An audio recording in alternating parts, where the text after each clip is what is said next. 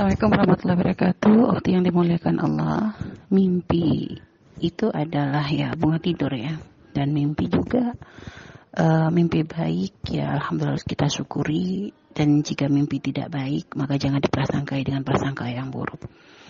Intinya mimpi memang kadang ada seorang diberikan ilham melalui mimpinya gitu ya. Dan artinya sekarang begini, kalau kita mimpi baik ya, dan selagi mimpi, uh, mimpi atau mimpi misalnya bertemu dengan orang soleh, mimpi ketemu ulama dan sebagainya, maka selagi di dalam mimpi tersebut tidak ada aneh-aneh gitu loh. Bukan misalnya kita mimpi ketemu orang soleh tapi perintahnya kok melanggar syariat. Oh maka itu mimpi dari setan, gak usah, di, gak usah dipercaya. Tapi kalau kita mimpi ketemu orang soleh, nggak taunya kok uh, diberi petunjuk yang benar, yang baik, maka Bismillah itu mungkin cara Allah untuk memberikan hidayah kepada kita. Karena ada orang juga dengan uh, apa mendap bisa mendapatkan hidayah juga ya karena mungkin dari faktor mimpi itu kan bisa juga. Seperti Imam Fudail bin Iyad seorang fasik kan dulu kan beliau adalah seorang perampok semua kejahatan dilakukan. Akhirnya ternyata dalam mereka ber, apa, bermimpi dengan mimpi yang masya Allah gitu ya. Sampai akhirnya beliau menjadi bertaubat dan sampai benar-benar menjadi seorang ulama besar. Artinya bukan nggak mungkin. Nanti ketemu uh, ukti ketemu mimpi, uh, bermimpi mendapatkan pakaian dari Sayyidah Aisyah radhiyallahu taala anha masya Allah insya Allah tanda baik. Apalagi di situ belum berikan baju yang bekas dipakai Artinya mungkin bisa kita tafsiri dengan tafsir yang baik bahwasanya ya artinya mungkin Uhti juga mengakui bahwa selama ini masih belum ya belum pakai uh, apa pakaian yang masih kadang suka dengan pakaian celana jeans yang memang masih menjadi syiarnya orang-orang fasik misalnya begitu. Maka ini tanda baik, artinya semoga ini adalah cara Allah untuk membimbing anti untuk supaya bisa berubah menjadi lebih solehah lagi. Kalau masalah cadar nggak pakai cadar di situ ada khilaf, Uhti bisa memilih. Kalau memang sekarang ibaratnya lingkungan uhti masih belum bisa mendukung untuk pakai cadar, bertahap lah, bertahap. Sekarang mungkin pakaiannya dulu dirubah. Minimal jangan pakai pakaian yang membentuk tubuh.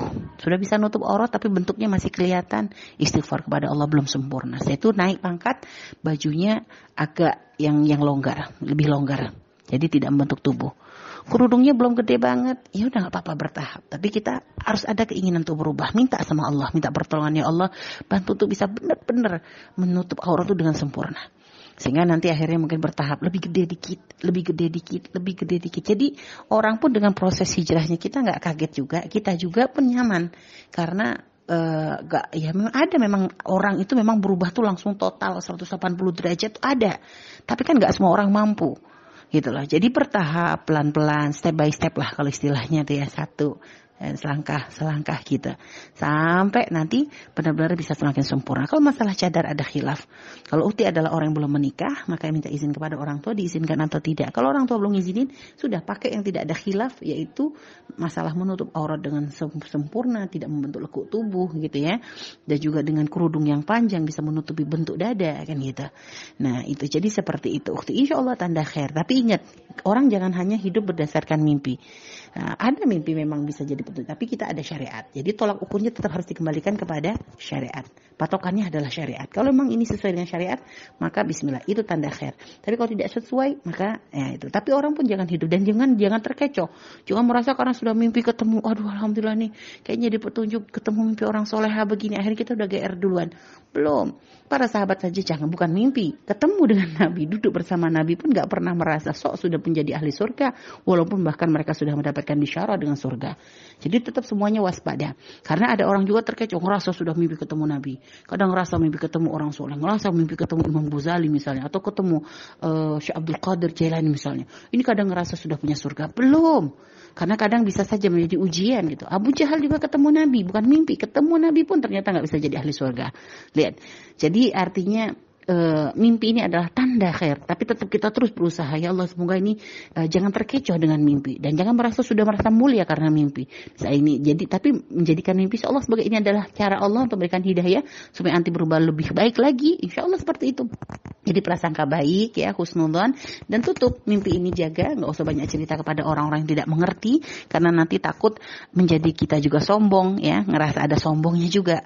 Nah, ada ujubnya. Atau mungkin ya nanti malah ditafsir ditafsiri dengan tafsir yang salah. Artinya hati-hati. Dan begitu juga kalau seandainya mimpi buruk, jangan banyak cerita ke orang. Cukup kita beristighfar, minta perlindungan dari Allah. Alhamdulillah itu hanya mimpi, bukan kenyataan. Karena paling bagusnya mimpi itu paling sedih kalau sudah bangun ya.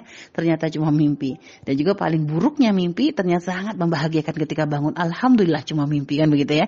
Jadi insya Allah semoga Allah memberikan hidayah, berikan kemudahan untuk bisa hijrah menuju jalan yang Allah ridhai. Wallah alam bisawab.